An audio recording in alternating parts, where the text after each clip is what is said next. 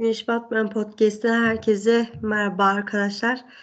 Ee, çok uzun bir zaman oldu kayıt yapmayalı açıkçası. Ee, özel bölümümüze Dünya Kupası'nda İngiltere'yi konuşacağız. Ee, hoş geldin Cem Taha Yüksekdağ bugün bizimle birlikte olacak. Hoş bulduk. Kendisi zaten birçoğumuzun da tanıdığı bir isim. Estağfurullah. Sosyal... Henüz henüz o kadar sayılmaz ama tanıyanlar olabilir diyelim. evet. Ee, İngiltere yine her zamanki gibi böyle bir üzerine çökmüş bildi huzurlukla e, artık öyle diyeyim biraz üzülüyor insan yani İngiltere'nin makus talihini işledi mi diyeyim artık bir penaltılarla kaybetme durumu söz konusu. Ee, Euro 2020'de de hatırladığımız en yakın orasıydı. Orada da finallerde kaybettiler. Ve her zaman bir penaltılarla kaybetme gibi bir durumu oluyor İngiltere'nin benim hatırladığım gibi. Yine geçmişte de bu tarz olayları e, biz babamla da sohbetimizde konuştuk. Babam diyor maalesef İngiltere'nin talihi böyle kızım. ben de araştırdığımda bunu gördüm. E, peki Fransa maçıyla başlayalım. E, nasıl bir İngiltere buldun Fransa'nın karşısında? Ya İngiltere'ye genel olarak belli bir oyunu oynuyor. Çok fazla B planı, C planı varmış gibi değil. İngiltere maçı, Fransa maçı da biraz böyle başladı aslında. Topun arkasına geçti İngiltere. Fransa bence bulduğu gole kadar, ilk gole kadar birçok şekilde İngiltere'yi deldi yani. Merkezden deldi. İlk ilk 5 dakikada geriden çıktıkları bir pozisyon var mesela. Merkezden gayet delerek çıktılar. 8. dakikada Griezmann'ı sağ kanada yaklaştırdılar ki ilk yarıda bunu yaptılar. Dembele bağlantısıyla Luke Shaw'un üzerine giderek oradan bir şey çıkartmaya çalıştılar. Ki oradan da yaptılar. iki tane pozisyon var. Ciro'nun kafası var mesela. Yere eğilerek vurmuştu. Yani oralardan da gol çıkabilirdi. Griezmann Dembele bağlantısı çok iyi çalıştı. Ortadan deldiler. Kontradan geldi zaten ilk gol. Ben İngiltere'yi şöyle değerlendirmek istiyorum. Yani sıkıcı oynuyor ya da işte çok kapalı oynuyor gibi şeyler söyleniyor. Bu tercih. Ben buna şöyle yaklaşılması gerektiğini düşünüyorum. İngiltere böyle bir tercihte bulunuyor teknik direktörüden dolayı. Ama bunu yani sahip olduğu mentaliteyi ne kadar kusursuz sahaya yansıtabiliyor. Evet. Ben buna baktığımda çok olumlu şeyler göremiyorum yine. Çünkü Fransa çok fazla sıkıntı çıkarttı İngiltere'ye. Yani İngiltere topun arkasında durdu ama pozisyon vermedi mi? İlk yarı, ilk gole kadar çok fazla verdi. İkinci yarıda biraz daha değişti oyun. Oraya da geliriz. Çünkü İngiltere biraz daha değişti. Ama ben İngiltere'nin çok da iyi bir maç çıkarttığını gelen anlamıyla düşünmüyorum açıkçası.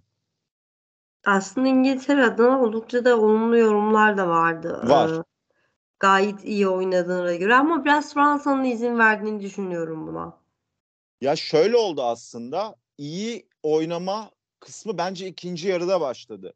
Ama Hı-hı. ikinci yarıda da değişen şeyler verdi. Yani ilk yarıdaki gibi bir İngiltere yoktu. İngiltere ilk yarıda dörtlü savunmayla yerleşiyordu çok net bir şekilde.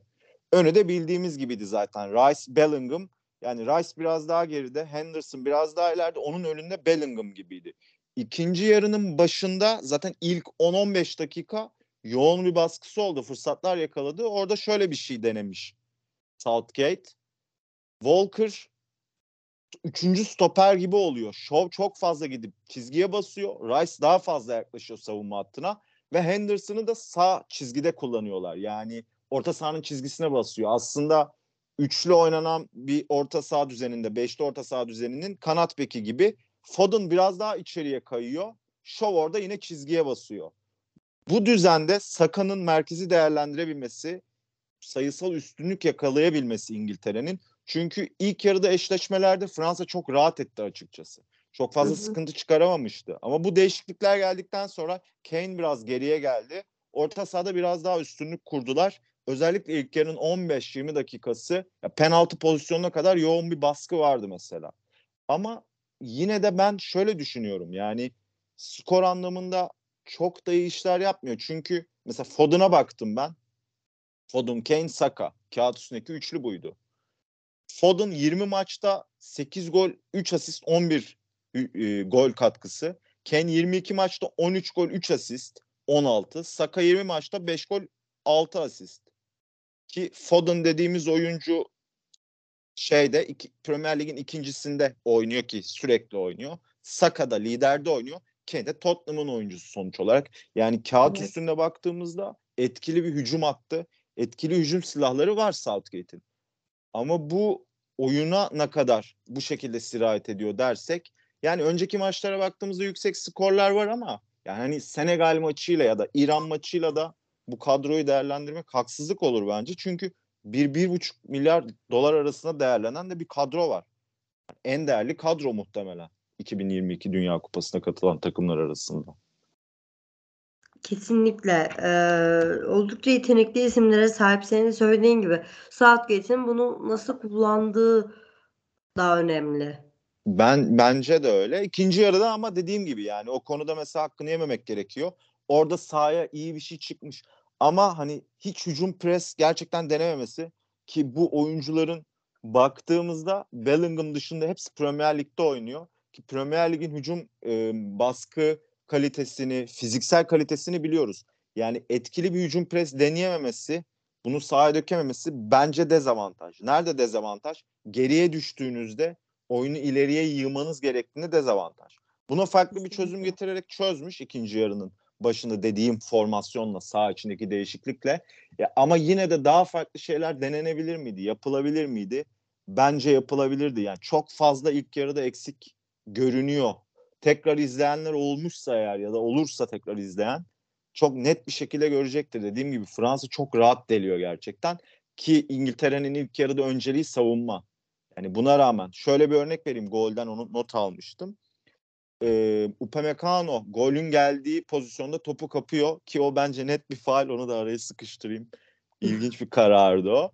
Hücum orada 4'e 5 başlıyor. İngiltere 5 kişiyle sayı avantajına sahip. Upamecano topu kaptıktan sonra sürerek topu devam ediyor. Mbappe'ye ulaştırıyor. Mbappe ile ortaya geliyor atak. Ortadan sağa dönüyor. Sağdan tekrar sola dönüyor. Ve Griezmann asisti yaptığında şöyle ilginç bir şey var. 8 oyuncu İngiltere'de ceza sahasının içine gömülmüş durumda. Yani bu kadar derinde savunduğunuzda da uzaktan şutta sıkıntı yaşamanız çok doğal hale geliyor. Yani çok iyi geri dönüyor İngiltere. Sayısal üstünlüğe sahip ama pozisyon alma konusunda, rakibi itme konusunda iyi iş çıkartamıyor. Bu mesela savunmayla anılan İngiltere takımı adına bence çok büyük bir eksi. Çünkü ana planınızı uygulayamamış oluyorsunuz öyle ya da böyle ki Fransa'nın da ana planının kapılan toplarla çıkmak, kontra atak, eksik yakalamak, boşluğa hücum etmek olduğu da biliniyor bir yandan. Yani burada Southgate'in ilk yarı ben yenildiğini söyleyebilirim. İkinci yarı ortada geçtiğini söyleyebiliriz. Hem oyun hem de teknik direktörlerin mücadelesi anlamında ama ilk yarıda net bir geri Southgate yani olumsuz kötü performansı olduğunu söylemek mümkün bence. Ben böyle düşünüyorum. Kesinlikle.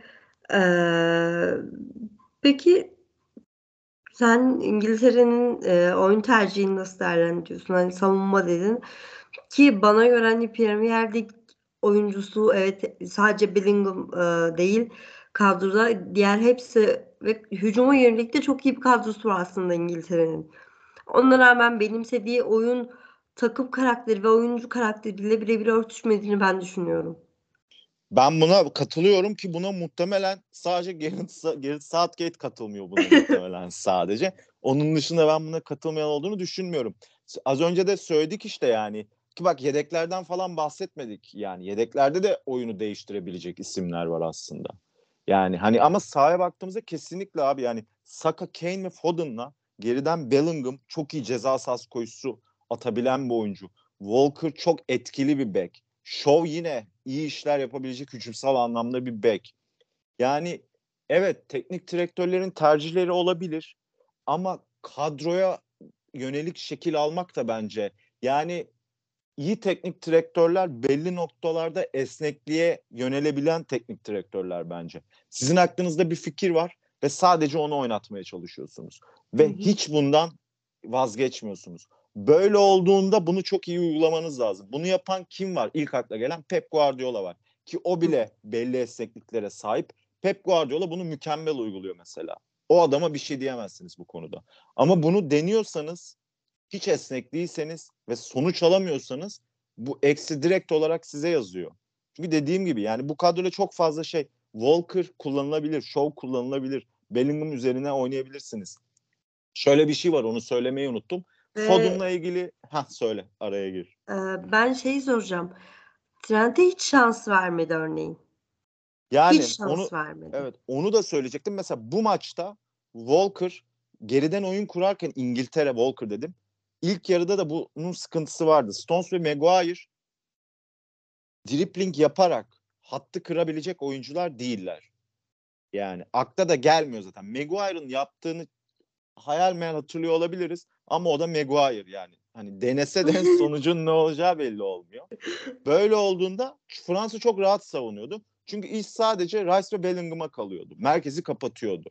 Şimdi böyle olduğunda Walker'da mesela çok iyi bir pasör değil. Walker daha çok dribbling ile, koşu kalitesiyle öne çıkan bir oyuncu. Böyle olduğunda mesela evet senin de dediğin gibi bence iyi bir nokta. Trent etkili olabilirdi. Evet Mbappe'yi savunamayabilirdi. Ama buna da çözüm bulmak işte teknik direktörün işi. Yani sizin elinizde sahayı olumlu etki edecek biri varsa onun eksilerini kapatmak ve ondan iyi olanı alabilmek sizin elinizde olan bir şey ve bence bu teknik direktör becerisi. Yani Hı. oradan şuraya bağlayayım. Çok güzel denk geldi üst üste sorunla. Turnuvanın başlarıydı. Foden sorulunca merkezde oynaması, solda oynaması. Geri Southgate şunu söylüyor. Yani Foden'ın eksiklikleri var merkezde. Çünkü merkezde oynadığınızda diyor topsuz oyunda da bir şeyler yapmanız gerekiyor diyor. Bu yüzden onu kullanamıyoruz diyor. Çünkü Manchester City'de solda oynuyor ve daha serbest kalabiliyor diyor. E şimdi bu o zaman şu demek oluyor. Yani ben Foden'ı kullanamıyorum demek oluyor. Şu Evet. an bunu kullandı devamında ama başta yapamıyordu bunu. Ama bir yandan da bu eksikliklere rağmen Pep Guardiola mesela Foden'dan çok fazla şey alabiliyor. Attığı gol, yaptığı asistleri söyledik ki bu, bu e, sezonda çok kritik goller de attı. Ya böyle ufak şeyler belirliyor işte aslında. Bence de mesela Trent ya ve bu Trent örneği üzerinden örnekleri arttırabiliriz. Mesela ikinci yarıda atıyorum yedekten kimse giremez miydi oyuna? Yani Jack Grealish'ten mesela faydalanılamaz mıydı? Sol içte mesela Bellingham'ı oralarda, Foden'ı oralarda kullanmaya çalıştı. Belki ondan da katkı alınabilirdi ama bu açılarda bence işte Southgate ya bu bu kadro fazla geliyor gibi açıkçası ya. Yani çok kısa şekilde özetleyecek olursak bana öyle geliyor Kesinlikle. açıkçası. Ee, peki yani net bir soru soracağım. Kane'in Tamam. e, ayakları mı titredi penaltıya giderken? Normalde çok da güvenli bir oyuncu yani düşünecek olursak. Ama direkt penaltı uzaya gitti. Top uzaya gitti yani. Topun nereye gittiğini göremedik. Normalde bir şey muhabbeti çevirdik. Güneş Batman podcast grubunda. Ee, arkadaşım biri şey dedi. Penaltı kaçırdıkları e, zaman futbolcunun. Kaleleri za- zannedersem kırmızı şeylerle çarpılarla işaret koyuyorlarmış. Nereye kaçtı? Şeydi acaba Kane'in kaçırdığı gol nereye işaretlenecek? Ben onu merak ediyorum. Ya ben bununla ilgili biraz esprili yaklaşacağım önce sonra tabii yine ciddi konuşuruz. Kane'le ilgili şöyle bir tweet atılmıştı. Foul, foul'da attım hatta ona. Kane kupa kazanabileceğini fark edince topu dışarıya attı diye. Lanetinden bahsetmek gibi. Yani bilmiyorum burada ikisi aynı takımda aslında. Bunun Kane'in üzerinde baskı yaratabilmiş olma ihtimali var. E Ama tabii bu düşük bir ihtimal yine de. Ya çok fazla baskı var üzerinde ve ikinci penaltı, bir tane penaltıyı zaten gole çevirmişsiniz. Bilmiyorum. Bir de şey de oldu bu arada. O da ilginç. Ee, penaltı, ikinci penaltıdan önce de Beckham ekrana geldi. Beckham pek bakamıyordu. Devamında da Evet. Beckham'ın Türkiye'de attığına benzer bir penaltı vuruşu geldi. Hemen hemen aynı noktalardan out'a gitmişti top. Ki o kusursuza yakın bir penaltıcıydı. Kane de iyi bir penaltıcıdır ama onun kadar değil. Bilmiyorum ben baskı birçok şey olmuş olabilir ya. Buna bence net bir cevap verebilmek çok mümkün değil. Ama baskı en büyük etken olabilir kesinlikle. Durumu Kesinlikle. düşündüğümüzde, dakikayı Ee, düşündüğümüzde. Sen e, şimdi öyle deyince e, aslında Beckham çok kez ekrana geldi. Özellikle free kicklerde Evet. ve Rashford'un free kick kullanırken de ekrana çok fazla geldi. Ya kenarda Beckham olunca görüntüsü de zaten abinin aşırı iyi olduğu için muhtemelen fırsatını her bulduğumuzda gösterelim dediler ki iyi, iyi de oldu yani. Beckham gibi çok fazla futbolcu yok. Görmek yani hem oyun anlamında hem de görsel anlamında gerçekten. Onu görmek büyük bir efsane her zaman keyifli benim için ki burada Rashford'un vurduğu frikik de iyi bir vuruştu. Çok Orada iyiydi. top havadayken gerçekten korkunç bir sessizlik vardı. O benim çok dikkatimi çekti. Çıt çıkmadı yani gerçekten ve topun fileye çarptığı sesi duyduk zaten. Öyle bir sessizlik vardı. Mesela Trent olsa atıyorum frikiklerde de duran toplarda da avantaj. Ki İngi- Fransa faulleri de kullandı yani İngiltere'yi kesmek adına.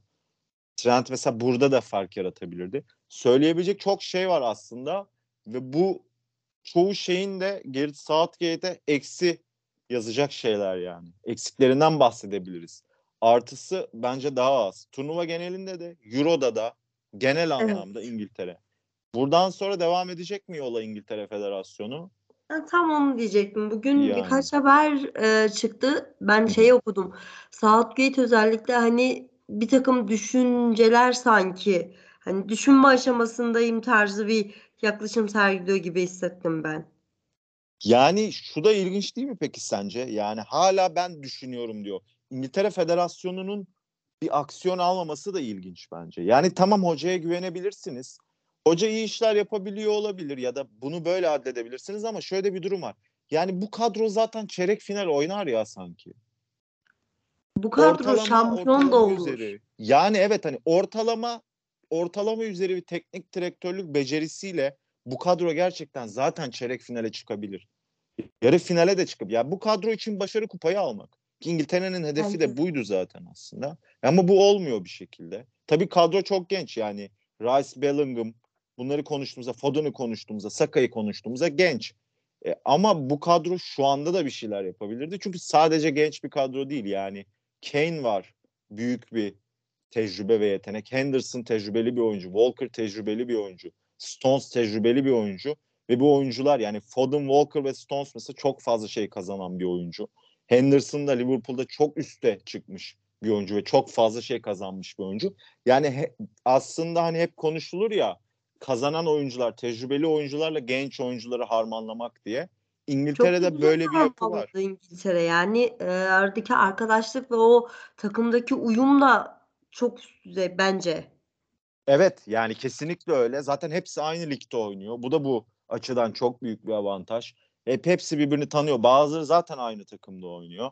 Ama yine de bir şekilde ya bence çoğu şey işte Southgate'e eksi yazıyor açıkçası. Yani onun üzerinden değerlendirmek gerekiyor gibi İngiltere'nin performansını. Yani oyuncu mesela yetenek eksikliği mi? Atıyorum çok net goller mi kaçtı? Bu tarz şeyler gelmiyor benim aklıma. Ki çoğu insanın aklına, senin de aklına. Southgate geliyor hep İngiltere dediğimizde. Ne yazık ki. Ee, şey şey, bahsettin yine sen de. İlk maçta bir e, Mount'la başladı. Böyle ilk iki karşılaşmada Mount'la e, başladı. Ardından işte merkezi Rice'ı çekip işte Henderson'ı yine e, ilk 11'e alıp öne e, Foden'u koymakla başladı ve Foden birazcık baskıyla geldi. Sanki e, Southgate birazcık baskılara da ses vermiş olabilir gibi hissediyorum.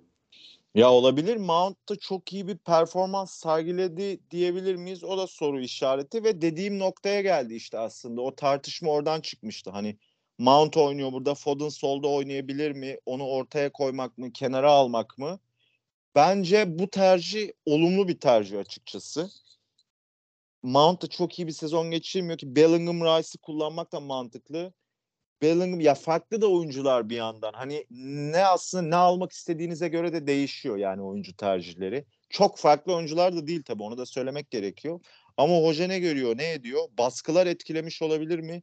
Etkilemiş olabilir çünkü İngiltere gerçekten yani olumsuz anlamda en fazla konuşulan ülke takımlarından biri olabilir şu son Kesinlikle. 3-4 yıl içerisinde. Ne Haliyle yazık ki baskı da artıyor. Kesinlikle ne yazık ki tam baskı da artıyor dediğin e, altın bir jenerasyon yakaladı gibi hissediyorum Premier Lig. Hani bu Beckham'lı, Gerrard'lı, Lampard'lı kadrodan sonra şu anki kadro. Hani akıllarda e, Premier Lig'in bu yıldızları var hep. E, İngiltere şu an evet çok genç ve e, parlak bir jenerasyon yakaladı. Aynı olay e, bir yaklaşık bir 10 sene önce Belçika'nın da başına geldi. Şimdi bir örnek vereceğim. Belçika'da çok iyi bir e, kadro, altın bir jenerasyon yakaladı.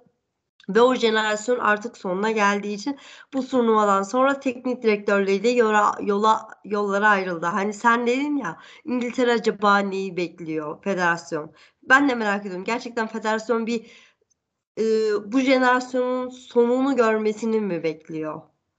Yani ben açıkçası çok anlamlandıramıyorum senin de söylediğin gibi. Çünkü hani şu da var. Yani Southgate'e mesela şimdi siz Southgate'i gönderseniz yollarınızı ayırsanız şey denemez sanırım hani Southgate'e gereken kredi yeterli kredi tanınmadı.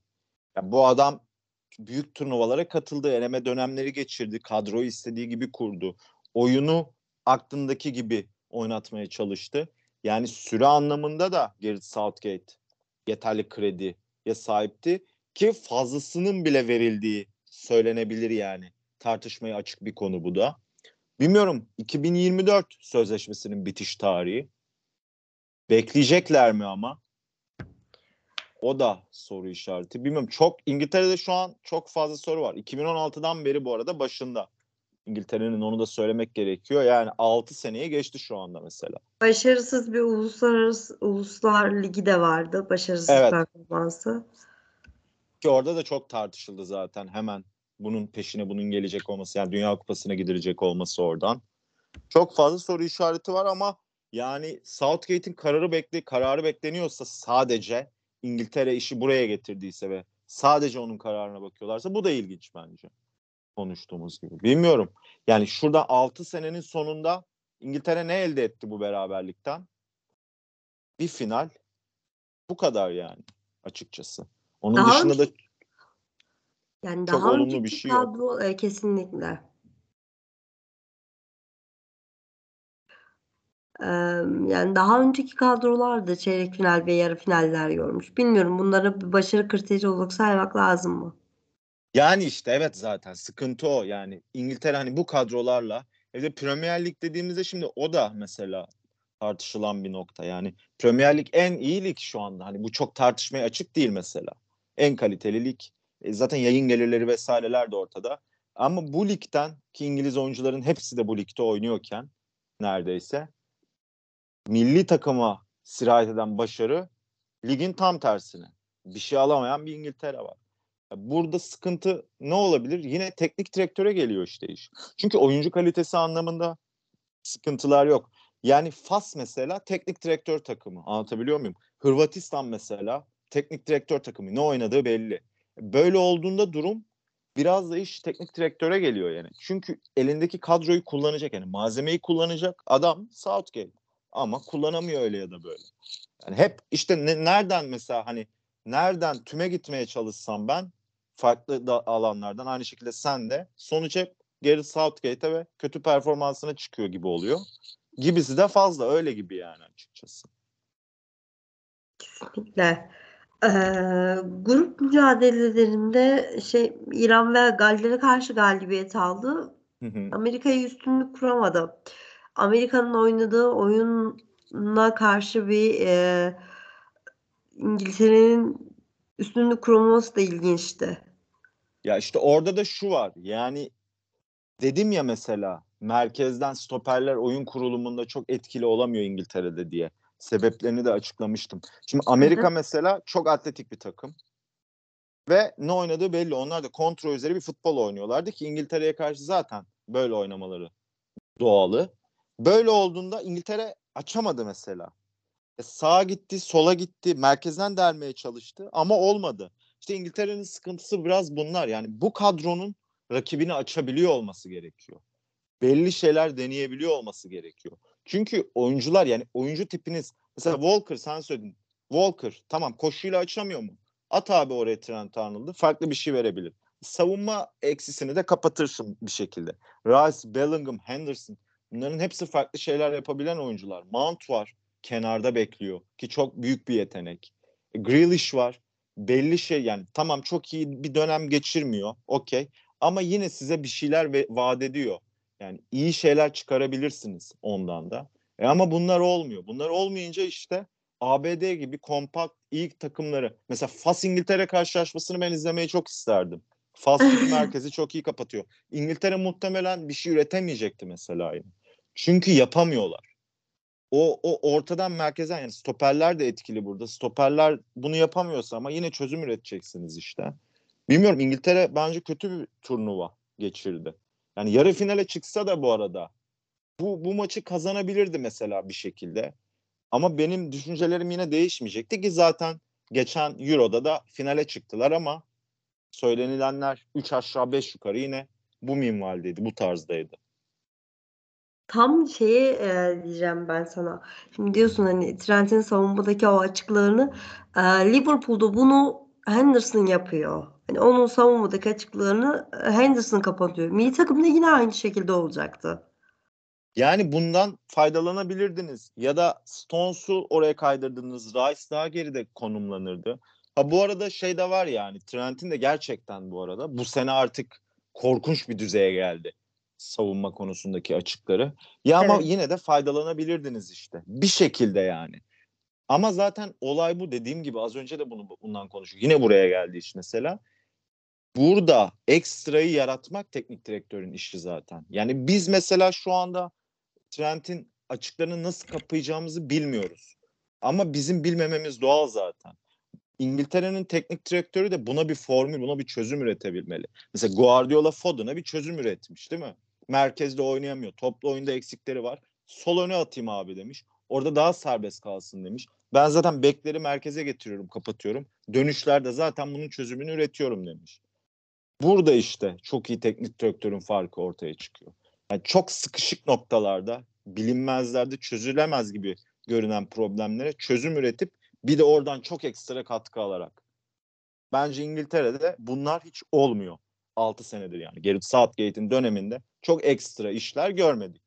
İkinci yarıdaki dizilim değişikliği diyoruz. E, o da çok çok çok büyük bir şey değil yani. Teknik direktör dehası değil açıkçası. Peki sen Saka'nın çıkmasına ne diyeceksin ki gayet de hani e, bulunduğu kanadı gayet iyi kullandığını düşünüyorum ben.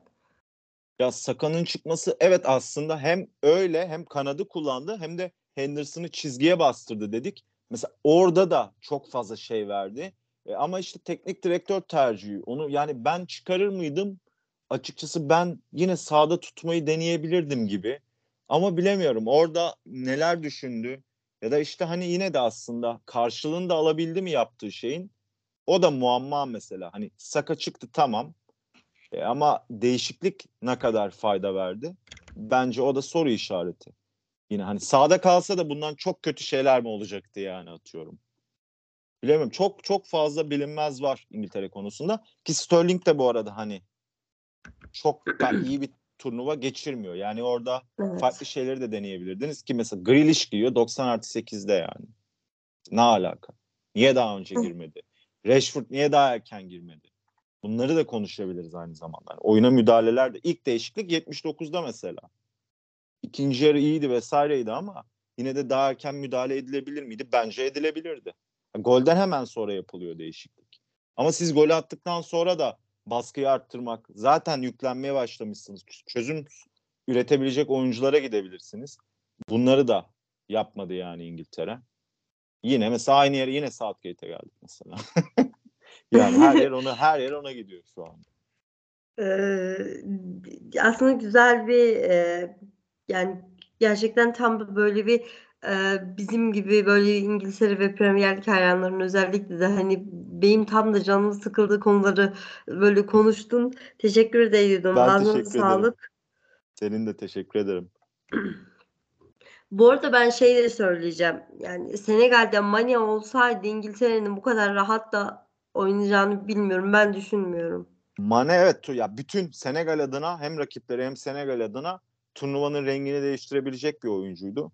Çünkü çok fazla bela çıkarabiliyor ve tabii Senegal'in ya, takım içindeki dengeler adına ya da motivasyon adına da mesela Mane gibi bir oyuncunun sahada olması ve Mane'nin de şöyle bir avantajı var aslında.